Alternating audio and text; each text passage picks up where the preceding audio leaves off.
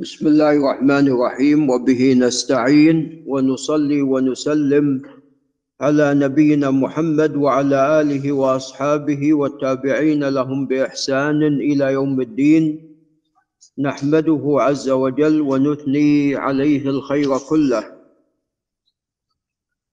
نعم هنا مسألة وهي فيما يتعلق بالأخذ من الشارب. وقد سأل أبو محمد عن حلق الشارب واستئصاله. والأقرب والله أعلم أن كلا الأمرين مشروع حلق الشارب واستئصاله وأيضا الأخذ منه لأن الإحفاء وأحفو الشوارب هو الاستئصال. وأما الأخذ من الشارب فهذا جاء في حديث زيد بن أرقم. فكلا الأمرين مشروع. وقد قال بهذا جمع من أهل العلم.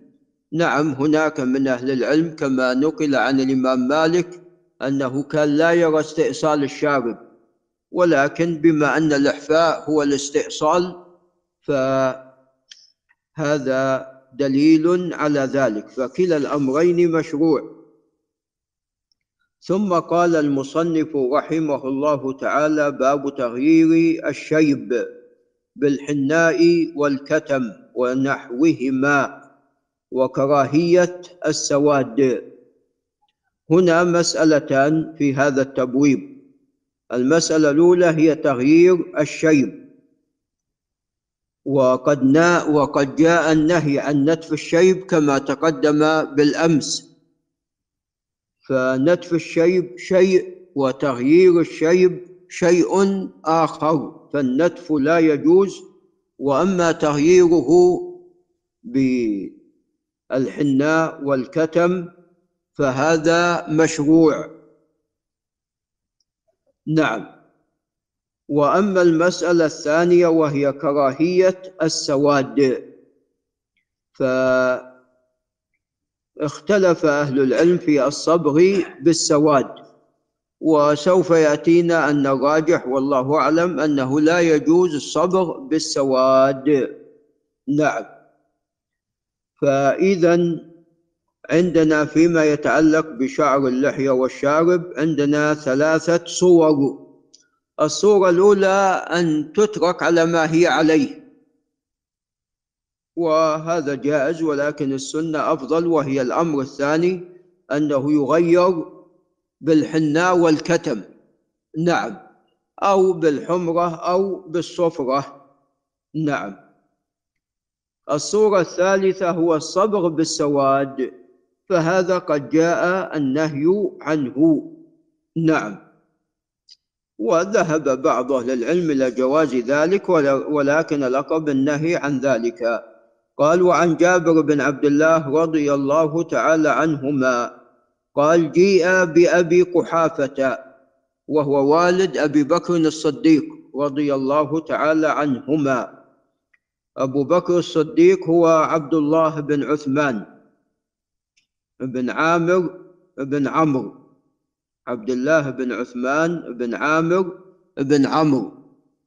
فوالده عثمان عثمان بن عامر. وقد توفي أبو بكر الصديق رضي الله عنهما توفي في حال حياة أبيه. أبوه توفي بعده. نعم.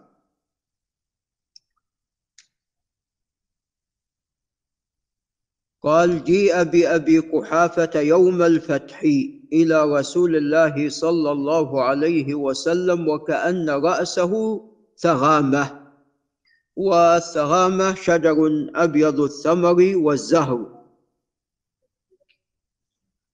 فقال رسول الله صلى الله عليه وسلم اذهبوا به إلى بعض نسائه يعني إما زوجاته وإما بناته لعل الأستاذ علي ينتبه فلتغيره بشيء وجنبوه السواد.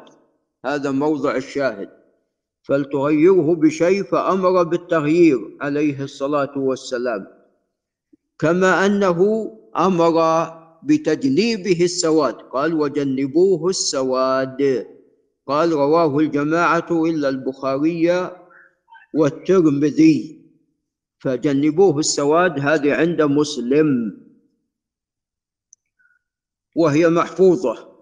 قال وعن محمد بن سيرين رضي الله تعالى نعم وعن محمد بن سيرين رحمه الله وهو تابعي جليل توفي عام عشرة ومئة قال سئل أنس بن مالك رضي الله عنه عن خضاب رسول الله صلى الله عليه وسلم. فقال إن رسول الله صلى الله عليه وسلم لم يكن شابا.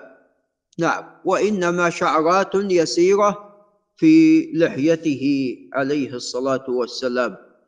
لم يكن شابا إلا يسيرا ولكن أبا بكر وعمر بعده خضبا بالحناء والكتم متفق عليه. قال وزاد أحمد قال وجاء أبو بكر بأبي قحافة إلى رسول الله صلى الله عليه وسلم. وكلاهما قد اشتهر بكنيتيهما ولذا لا يعرف عند كثير من الناس أسماؤهما. ولذا كما تقدم أبو بكر اسمه عبد الله وأبوه عثمان. قال وجاء أبو بكر بأبي قحافة إلى رسول الله صلى الله عليه وسلم يوم فتح مكة يحمله حتى وضعه بين يدي رسول الله صلى الله عليه وسلم. فقال رسول الله صلى الله عليه وسلم لأبي بكر لو أقررت الشيخ في بيته لأتيناه. يعني أبو قحافة. تكرمة لأبي بكر. فأسلم أي أبو قحافة ولحيته ورأسه كالثغامة بياضا. فقال رسول الله صلى الله عليه وسلم غيروهما. إذا شعر الرأس واللحية وجنبوه السواد. قال وعن عثمان بن عبد الله بن موهب. قال دخلنا على أم سلمة فأخرجت إلينا من شعر النبي صلى الله عليه وسلم فإذا هو مخضوب بالحناء والكتم رواه أحمد وابن ماجة والبخاري ولم يذكر بالحناء والكتم وهو الأقرب لأن الرسول صلى الله عليه وسلم لم يخضب. نعم ولذا لم يذكرها البخاري في صحيحه. نعم ولعل نقف عند هنا.